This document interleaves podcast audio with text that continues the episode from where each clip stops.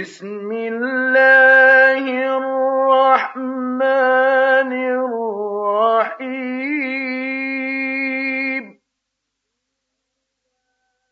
لإيلاف قريش.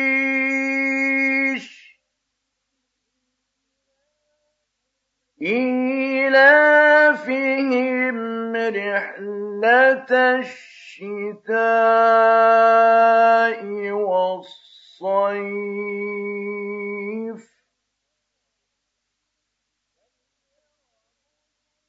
فليعبدوا رب هذا البيت الذي أطعمهم من جوع وآمنهم